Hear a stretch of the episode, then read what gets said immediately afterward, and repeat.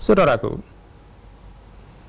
hakikat kemuliaan manusia bukanlah terletak pada tubuh dan fisiknya. Bukan terletak pada bodi dan wajahnya yang menawan. Bukan terletak pada gelar, pangkat, jabatan yang mentereng. Dan juga tidak terletak pada kekayaan yang melimpah. Bukan sama sekali. Tetapi hakikat kemuliaan manusia terletak pada hati dan jiwanya yang tunduk patuh pada penciptanya Allah Subhanahu wa taala. Berakhlak mulia, jiwa yang khusyuk, tawadu sebagai buah dari keimanannya kepada Allah Subhanahu wa taala sang pencipta. Itu letak kemuliaan kita.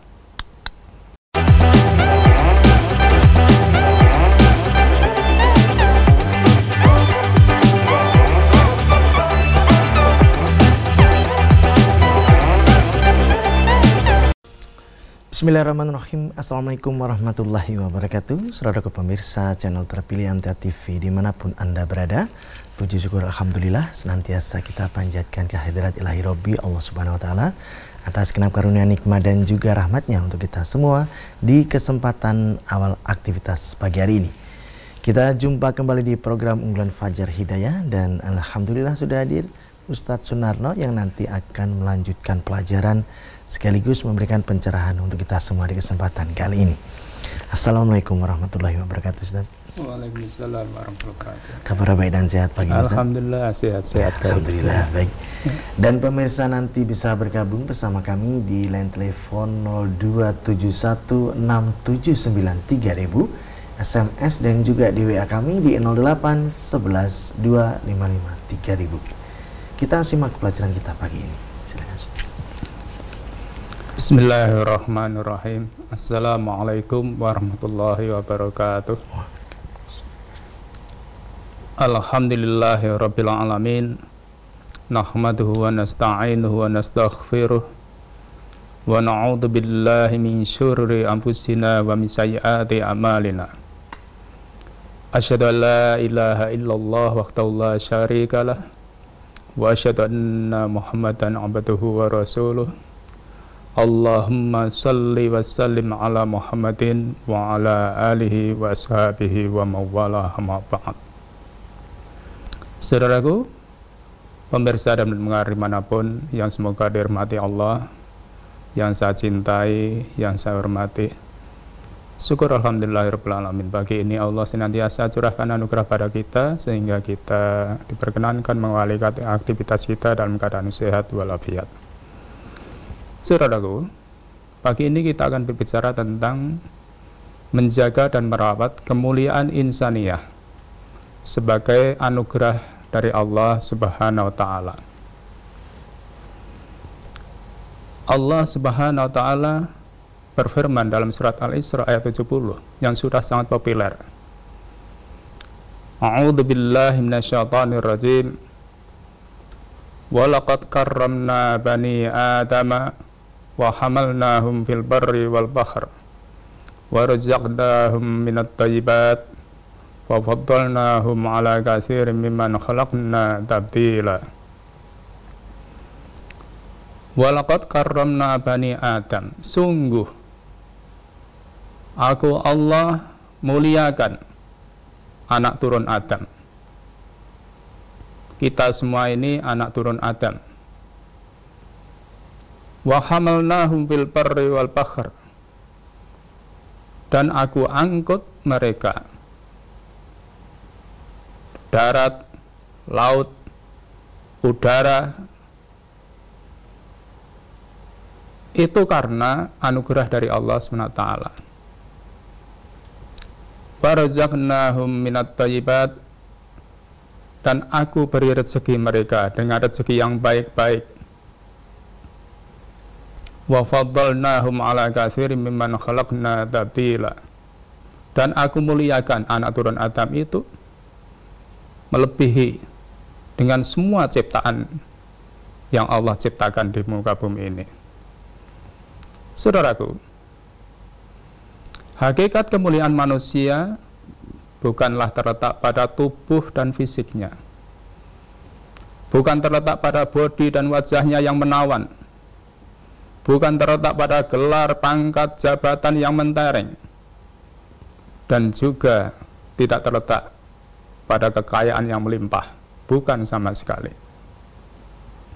Tetapi hakikat kemuliaan manusia terletak pada hati dan jiwanya yang tunduk patuh pada penciptanya, Allah Subhanahu wa taala.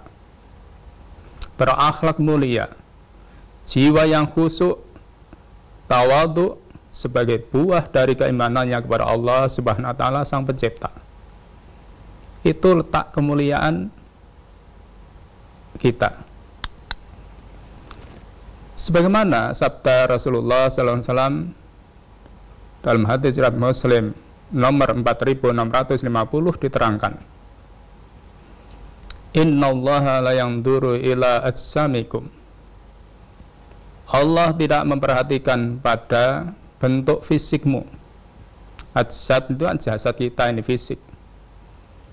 Wala ila suarikum dan Allah tidak memperhatikan pada bentukmu. Suwar itu jamak dari suratun. Apa pun yang ada pada kita itu surah. Walakin yanduru ila qulubikum. Namun Allah memperhatikan hati-hati kalian. Wa asyara bi asabihi ila sadri. Rasulullah memberikan isyarat dengan jarinya ke dadanya. Saudaraku, karena hati atau jiwa merupakan sumber dekat atau jauhnya seseorang yang menghubungkan antara hamba dengan kholiknya yang harus dijaga dan dipelihara dengan sebaik-baiknya dengan cara memperkokoh iman dan takwa pada Allah Subhanahu wa taala. Dan juga mempersubur, menyuburkan ibadah pada Allah Subhanahu wa taala. Baik itu yang wajib apalagi atau yang sunnah. Sabar dalam melaksanakan perintah dan menjauhi larangannya dan segera bertobat bila terlanjur berbuat dosa serta diiringi memperbanyak amal soleh dan berbuat baik pada sesamanya. Saudaraku, jiwa atau hati yang seperti inilah yang akan mampu mengendalikan potensi dan hawa nafsu yang ada pada dirinya kita masing-masing punya potensi dan hawa nafsu. Dan akan mampu membentengi diri dari perilaku yang akan merusakkan dan akan menghilangkan keluhuran jiwa sebagai makhluk yang mulia di muka bumi ini. Maka kita harus betul-betul jaga diri kita. Sebagaimana firman Allah Subhanahu wa taala dalam surat Fatir ayat 10 diterangkan Mangkana yuridul izzata falillahil izzatu jami'a. Barang siapa yang menghendaki kemuliaan Kemuliaan itu milik Allah semuanya Maka kalau kita ini ingin kemuliaan Maka mari kita dekatkan pada yang punya kemuliaan itu.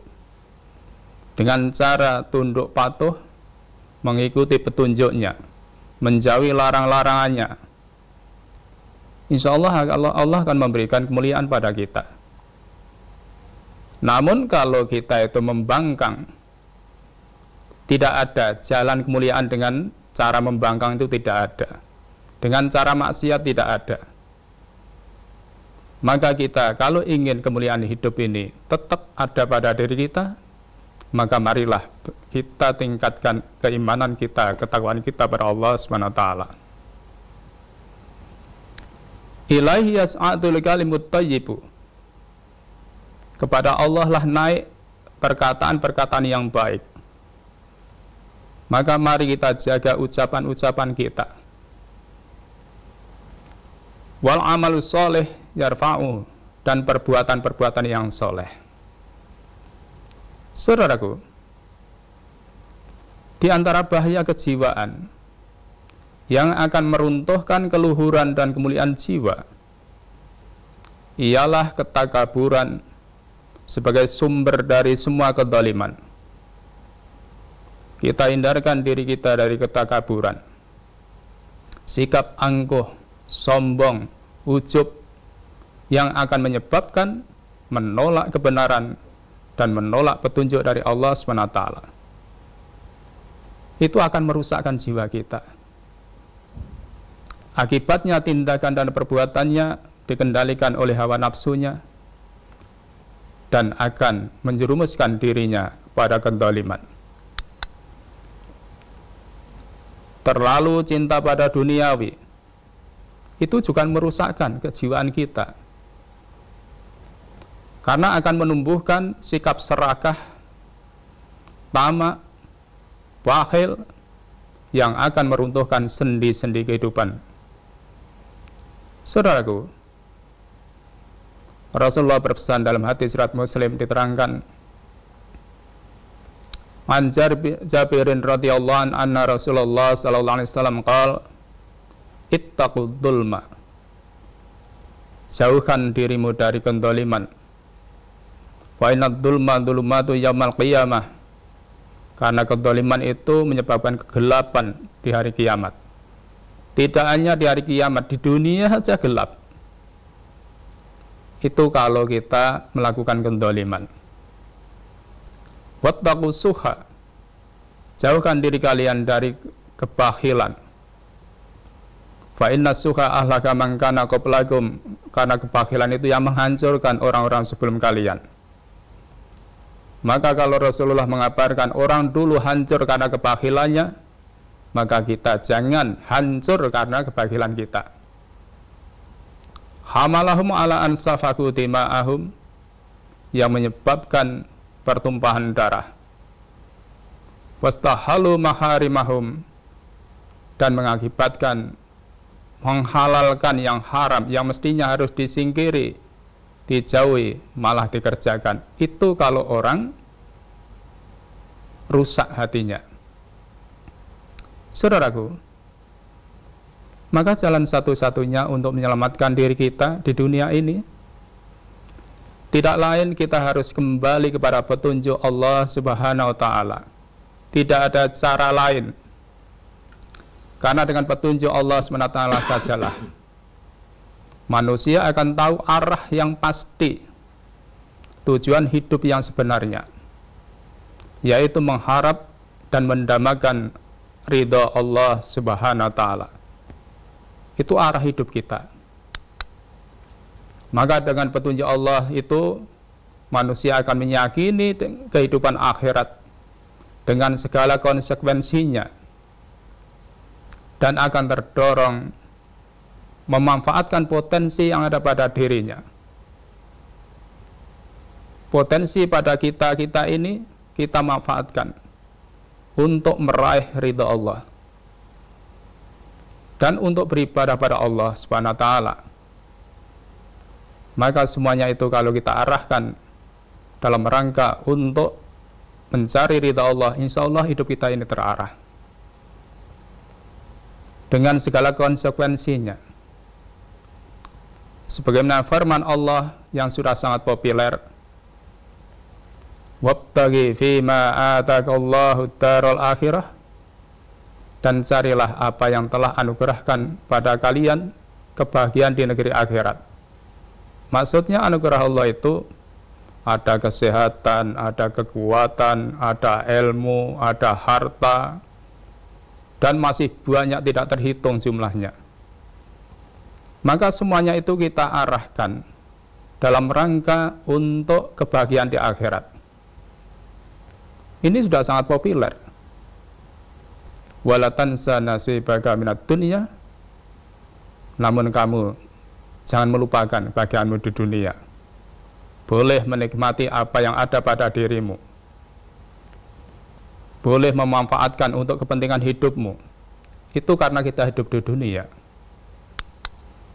wa ahsin kama ahsanallah ilaik dan berbuatlah baik sebagaimana Allah berbuat baik pada kita kebaikan yang dianugerahkan Allah tidak hanya untuk kepentingan pribadi tidak untuk kepentingan diri pribadi saja, namun juga untuk kepentingan aizul Islam wal muslimin, untuk kemaslahatan umat. Ini berarti kita mengamalkan ayat ini. Wala tabghil fasada fil ard. Dan jangan kamu berbuat kerusakan di muka bumi. Maksudnya dengan anugerah Allah itu jangan disalahgunakan Jangan sampai anugerah Allah yang ada pada kita menyebabkan ketakaburan, menyebabkan kesombongan, menyebabkan keangkuhan, ujub, yang semuanya itu akan merusakkan diri kita. Bahkan tidak hanya merusak diri kita, akan merusak orang lain juga. Maka betul-betul mari kita bentengi diri kita innallaha la yuhibbul mufsidin dan Allah tidak suka pada orang-orang yang berbuat kerusakan. Saudaraku, itulah bagaimana kita merawat kemuliaan yang Allah anugerahkan pada kita. Jangan sampai rusak. Jangan sampai kita ini menjadi orang yang tidak pandai bersyukur. Maka betul-betul marilah kita perhatikan bagaimana kita harus hidup untuk menjaga kemuliaan Allah yang mestinya kita ini dimuliakan Allah jangan sampai nanti sebagian firman Allah summa raddatna ila asfala safilin kita jatuh pada derajat yang sangat rendah karena tidak menunaikan kebaikan-kebaikan ketika hidup di dunia ini. Saudaraku, begitu kiranya Semoga bermanfaat untuk saya dan kita semuanya. Terima kasih. Ya. Baik pemirsa, kami harapkan Anda bisa bergabung bersama kami di line telepon 02716793000, SMS dan juga di WA kami di 08 11 Namun sebelumnya kita akan simak beberapa informasi dalam rangkaian jeda pariwara berikut ini. Baik saudaraku pemirsa channel terpilih MTA TV di mana pun Anda berada Terima kasih Anda masih setia bersama kami khususnya di program unggulan Fajar Hidayah pagi ini Kesempatan pertama kami persilahkan di line telepon 02716793000 untuk bisa bergabung Halo Assalamualaikum Waalaikumsalam warahmatullahi wabarakatuh Ya dengan siapa di mana Bapak? Saya Sarono Pak dari Wonogiri Pak Ya silakan Pak Sarono Ya, saya mau tanya Pak. Saya pakai pomade ke minyak rambut itu Pak. Kalau ya. saya wudhu, usapan rambut di, di rambut itu apa sah Pak? Iya. Untuk mengusap kepala itu apa sah Pak? Karena ya. saya pakai pomade. Iya. Demikian? Lalu yang kedua, saya sudah wudhu pak kemudian garuk-garuk kemaluan pak itu apa wudhunya batal pak walaupun terlampiri celana tapi garuk-garuknya itu ke kemaluan apa batal wudhunya pak ya Terima kasih Pak. Assalamualaikum warahmatullahi wabarakatuh. Waalaikumsalam warahmatullahi wabarakatuh. Ya. Jadi Bapak Sarono. Wonogiri. Ya. Jadi Bapak ya, jadi masalah mengusap kepala itu kalimatnya kan wamsahu biru'usikum. Jadi Bapak menggunakan minyak rambut kan begitu ya. Jadi di situ bukan kalimatnya syarun Bapak, tapi roksun. Roksun itu kepala Bapak. Jadi kepala wamsahu biru'usikum jadi bukan sakrun jadi nggak ada masalah Bapak yang penting kita usap dari kepala itu dari depan sampai belakang jadi boleh jadi intinya itu yang diusap kepala lah kepala ada rambutnya kan begitu itu yang pertama. Yang kedua, menyentuh kemaluan, apakah membatalkan wudhu?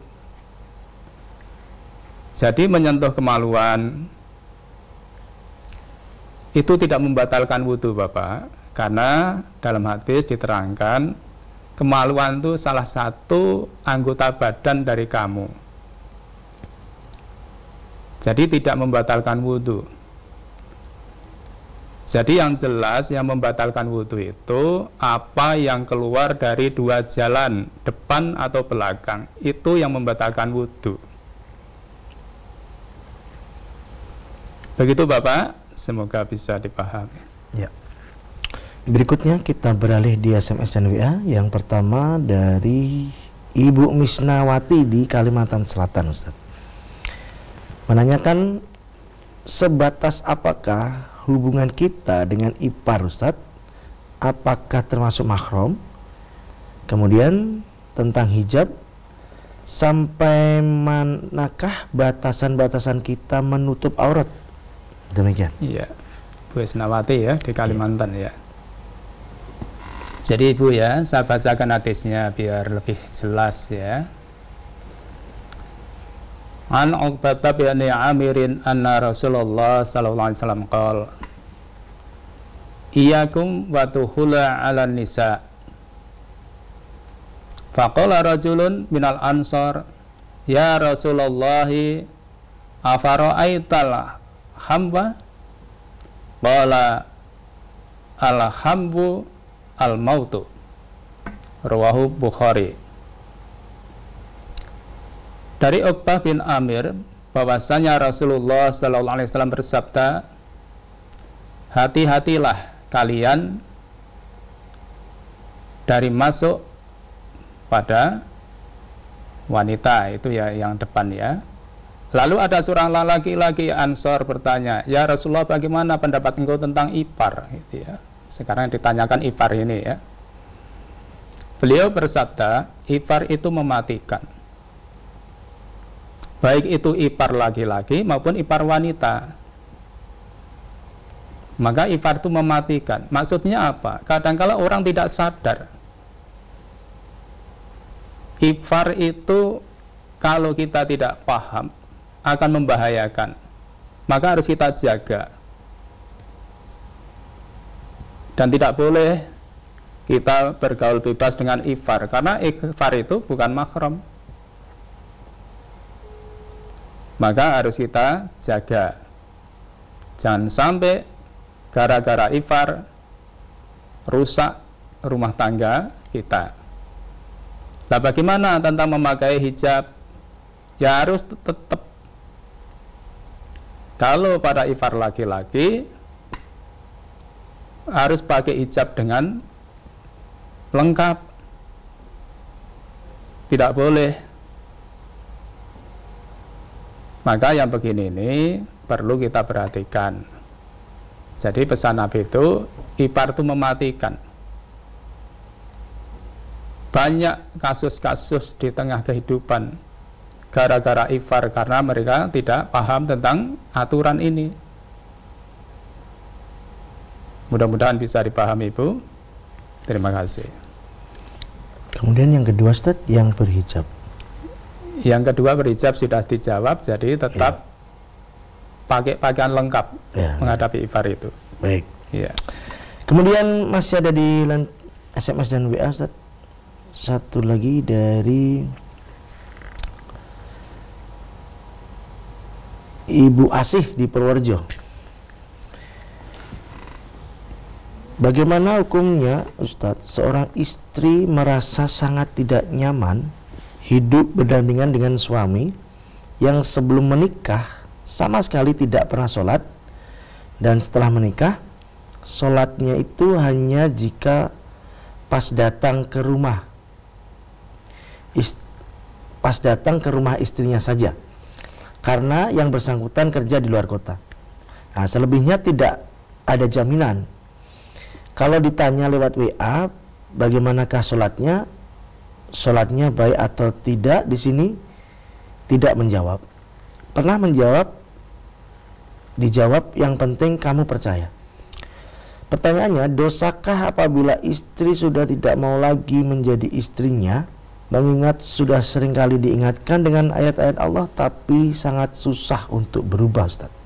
Ya, Ibu Asih ya di Purworejo ya. Jadi Ibu perlu kita sadari ya, penyesalan itu selalu datang di belakang. Maka pentingnya kita itu memperhatikan petunjuk-petunjuk Nabi. Jangan sampai menyesal di belakang. Apalagi kalau di depan sudah dikatakan, oh, sebelumnya tadi tidak sholat. Kok mau gitu, seorang wanita dinikah dengan laki-laki yang tidak sholat. Maka apa yang diharapkan orang yang tidak baik pada Tuhannya tidak ada yang bisa diharapkan. Kalau pada Allah saja sudah mengabaikan kewajibannya, itu tidak bisa diharapkan kemaslahatannya untuk hidup ini. Maka kalau kita itu orang muslim, muslimah, betul-betul perhatikan itu agama itu menjadi tolak ukur. Jadi tolak ukur. Lah itu yang perlu diperhatikan ya digretai digretai karena bagaimanapun itu karena kurang kepahamannya yaitulah resiko nikah dengan orang yang tidak paham agama maka perlu terus didakwai, dinasihati. Tidak hanya dengan WA, tidak dengan hanya menjelaskan ayat-ayat Allah, namun juga perlu didunung-dunung. Didunung-dunung ke. Apalagi sebagai seorang suami itu pemimpin dalam rumah tangga yang akan mengendalikan bagaimana perjalanan rumah tangga itu baik atau buruk maka tentu suami suami yang paham tentang kewajibannya baik kewajibannya pada Tuhannya dan kewajibannya pada anggota rumah tangganya lah kalau nanti sudah ditunung-tunung ke, dinasihati dan seterusnya, tidak mau sholat, cerai itu jalan terakhir. Cerai itu jalan terakhir. Boleh kalau memang sudah tidak mau sholat, betul-betul nggak mau sholat, boleh. Namun itu jalan terakhir. Perlu ditempuh dengan cara-cara yang baik dulu. Dinasihati yang baik. Begitu Ibu, semoga bisa dipahami. Ya. Kita beralih di line telepon kembali di 02716793000. Kami persilahkan. Halo, Assalamualaikum. Halo, Assalamualaikum. Waalaikumsalam warahmatullahi wabarakatuh. Ya, dengan siapa di mana Ibu? Dengan Ibu Sri di Pacitan. Ibu Sri di Pacitan, silahkan. Assalamualaikum warahmatullahi wabarakatuh, Ustaz. Waalaikumsalam warahmatullahi wabarakatuh. Monggo Ibu Sri Pacitan. Iya, terima kasih. Ustaz, yang saya tanyakan itu tentang makanan sembelihan itu uh, apabila kita apa nama ada hajatan misalnya ada tetangga ya atau tetangga atau kerabat yang ewo begitu kita diundang untuk jagung itu ter, itu tersebut itu apabila kita pas ada hidangan ada hidangan yang dimakan dan kita itu uh, apa namanya ragu tentang sembelihannya lauknya tersebut. Apabila kita ragu tentang sembelihannya itu kan ada salah ada apa teman kanan kiri kiri kita itu kan mereka juga tetap makan gitu aja. Terus kan kita udah tahu bahwa itu sembilan itu meragukan begitu. Tapi tahu yang di tempat kita itu di ini dimakan sama teman kanan kiri kita itu diambil begitu apa kita ini kalau mau ambil aja begitu misalnya dan mereka makan begitu. Apakah kita itu yang ini itu berdosa apa enggak begitu Ustadz yang pertama. Yang kedua apabila seseorang itu setiap ada kajian di masjid itu kajian tentang Quran Sunnah dan mereka itu selalu meninggalkan setiap yang memberi kajian itu mengucapkan baru mulai mengucapkan salam terus dia itu salah seorang itu me, langsung meninggalkan tempat tersebut. Itu apakah termasuk kesombongan yang seperti itu Terima kasih. Wassalamualaikum warahmatullahi wabarakatuh. Waalaikumsalam warahmatullahi wabarakatuh. Sri ya, jadi masalah makanan yang pertama. Jadi masalah makanan itu kalau kita memang ragu, kita diajarkan tak mayuribuka illa malayuribuk. Tinggalkan yang meragukan. Kerjakan yang tidak ragu. Kalau dalam hal makan kita itu ragu bagaimana sembelihannya, ya jangan dimakan. Jangan dimakan. Lah kalau kemudian diambil orang lain, wong kita tidak memberikan, kita tidak dosa. Wong kita tidak memberikan.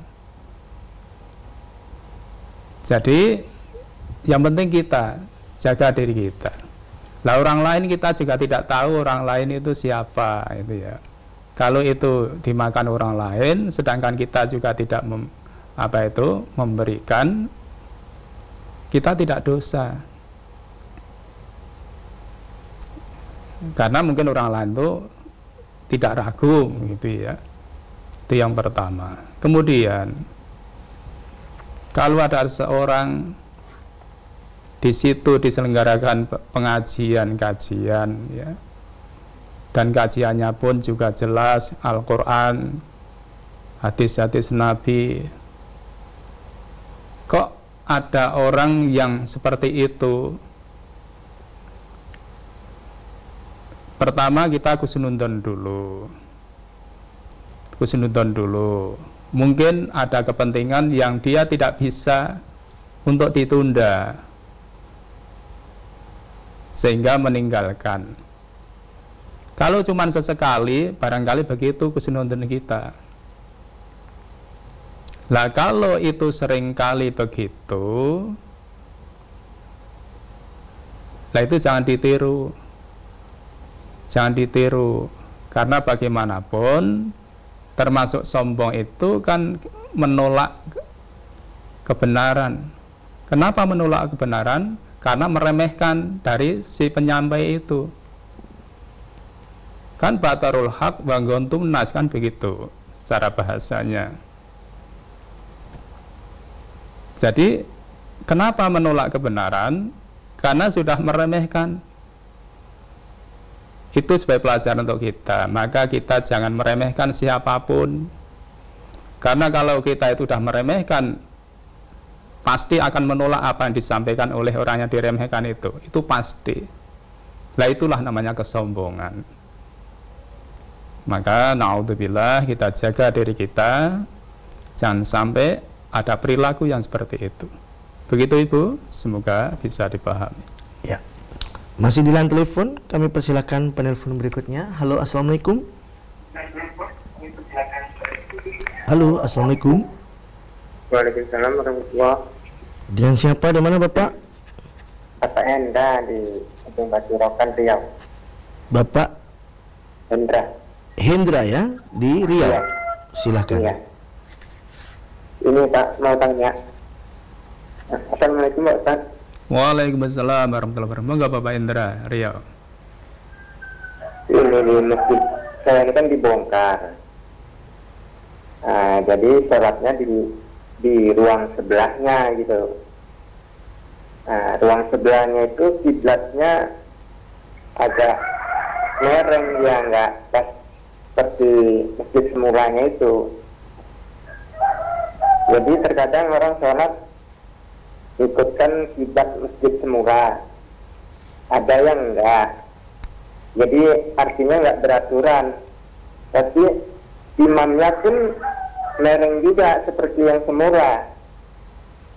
Nah, itu kayak gitu gimana Ustaz ya? Ya, kemudian Ah, ah, itu aja Ustaz. Assalamualaikum warahmatullahi Ya. wabarakatuh. Waalaikumsalam warahmatullahi Coba wabarakatuh. diulang. Ya, di tempat biasa sholat itu kan sedang ada proyek pembongkaran renovasi begitu. Kemudian sholat di lokasi sebelahnya. Namun agak berbeda posisi letaknya dalam penentuan arah kiblat sehingga beberapa jamaah tidak kompak dalam menentukan kiblatnya. Iya.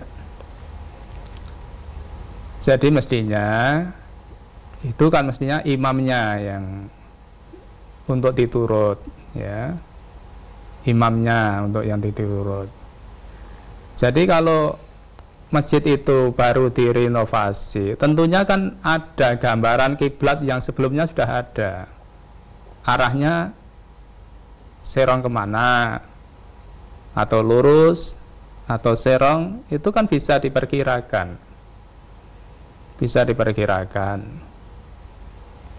Maka kalau kita itu sudah maksimal dalam rangka untuk mengikuti petunjuk kiblat itu, insya Allah tidak ada masalah.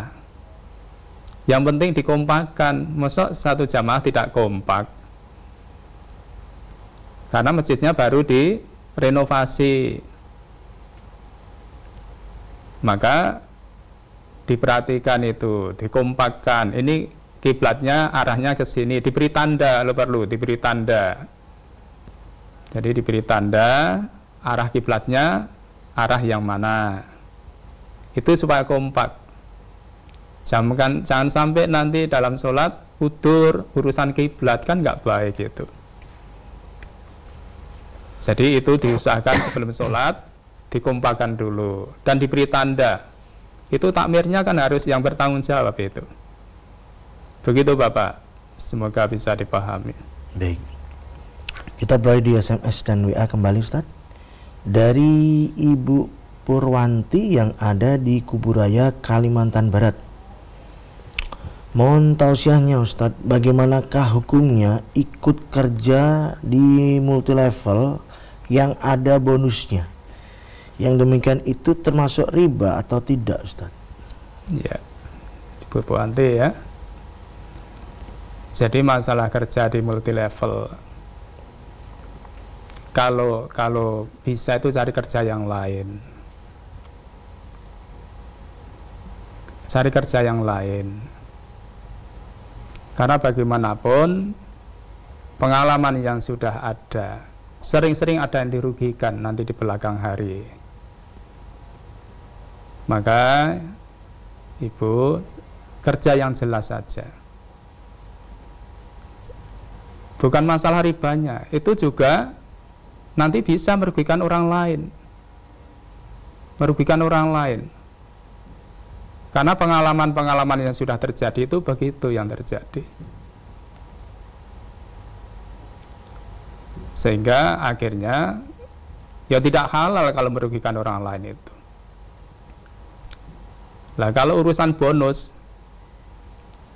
ya bonus itu namanya bonus itu kan seperti penghasilan namun perlu dihindarkan. Jangan kerja itu, cari kerja yang lain. Nanti ujung-ujungnya ada yang dirugikan. Ujung-ujungnya ada yang dirugikan. Maka kita supaya selamat, hindari itu. Begitu Ibu, semoga bisa dipahami. Baik. Masih lanjut di SMS dan WA dari Bapak Irfan di Ponorogo. Ustadz untuk makmum masbuk bacaan sholatnya itu apakah menyesuaikan rekaat yang harus disempurnakan? Contoh imam sudah rekaat terakhir. Kita baru rekaat pertama. Apakah bacaan rekaat kita itu bacaan sesuai rekaat imam yang rekaat terakhir tersebut Ustadz atau bacaan rekaat pertama? Demikian. Ya kalau namanya masbuk dalam rekaat ketika mengikuti imam ya membaca sebagaimana yang dibaca oleh imam. Umpamanya imamnya kebetulan membaca at-tahiyat ya kita membaca at-tahiyat. Nah kemudian nanti untuk disempurnakan ya kita membaca lengkap dari awal dari Al-Fatihah, surat, dan seterusnya. Maka kalau kita makmum masbuk, ketika mendapati imam, ya di situlah kita harus mengikuti imamnya. Lah nanti setelah kita melanjutkan, dibaca secara sempurna. Dibaca secara sempurna. Tentu kalau masbuk sudah tidak ada kesempatan untuk membaca iftitah, maka langsung membaca Al-Fatihah, surat atau ayat dan seterusnya. Begitu. Semoga dipahami. Ya. Masih ada kesempatan kami persilahkan kembali di line telepon 6793000. Halo, Assalamualaikum. Halo, Assalamualaikum. Waalaikumsalam warahmatullahi wabarakatuh. Iya, dengan Bapak siapa di mana? Ramadan Bangko Jambi Merangin. Iya, Bapak Ramadan di Merangin Jambi ya. Betul, Pak. Silahkan. Assalamualaikum Ustaz. Waalaikumsalam warahmatullahi wabarakatuh. Monggo Bapak Ramadan. Uh, mohon penjelasannya Ustaz uh, surah ke-49 Al-Hujurat. Wahai orang-orang yang beriman, janganlah kamu mendahului Allah dan Rasulnya. Dan bertakwalah kamu, bertakwalah kepada Allah, sesungguhnya Allah maha mendengar, maha mengetahui.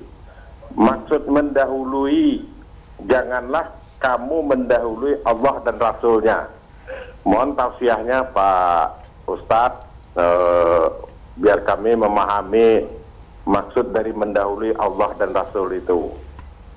Terima kasih Ustadz. Assalamualaikum warahmatullahi wabarakatuh. Waalaikumsalam warahmatullahi wabarakatuh. Jadi Bapak Ramadan ya. Jadi dalam ayat itu dibacakan di firmankan Allah, A'udzubillahi minasyaitonirrajim. Ya ayyuhalladzina amanu la tuqaddimu baina yadayillahi wa rasulih Hai orang-orang beriman, janganlah kamu mendahului Allah dan mendahului Rasul. Maksudnya, kalau kita itu sebagai orang Islam, sebagai orang beriman, dalam setiap langkah kita, apalagi urusan hukum, itu supaya kalau zaman Nabi dulu langsung pada Nabi. Kalau sekarang kita ini setiap melakukan sesuatu ukurannya itu agama. Kalau saya begini ini bagaimana menurut firman Allah dalam Al-Qur'an, bagaimana menurut hadis Nabi. Maka untuk tidak melampaui, tidak mendahului Allah dan Rasul, kita perlu paham dulu perlu paham bagaimana Allah berfirman, bagaimana Nabi bersabda. Itu setiap langkah yang harus kita kerjakan berusaha ke sana. Sehingga kita tidak akan berbuat sesuatu yang melanggar aturan agama.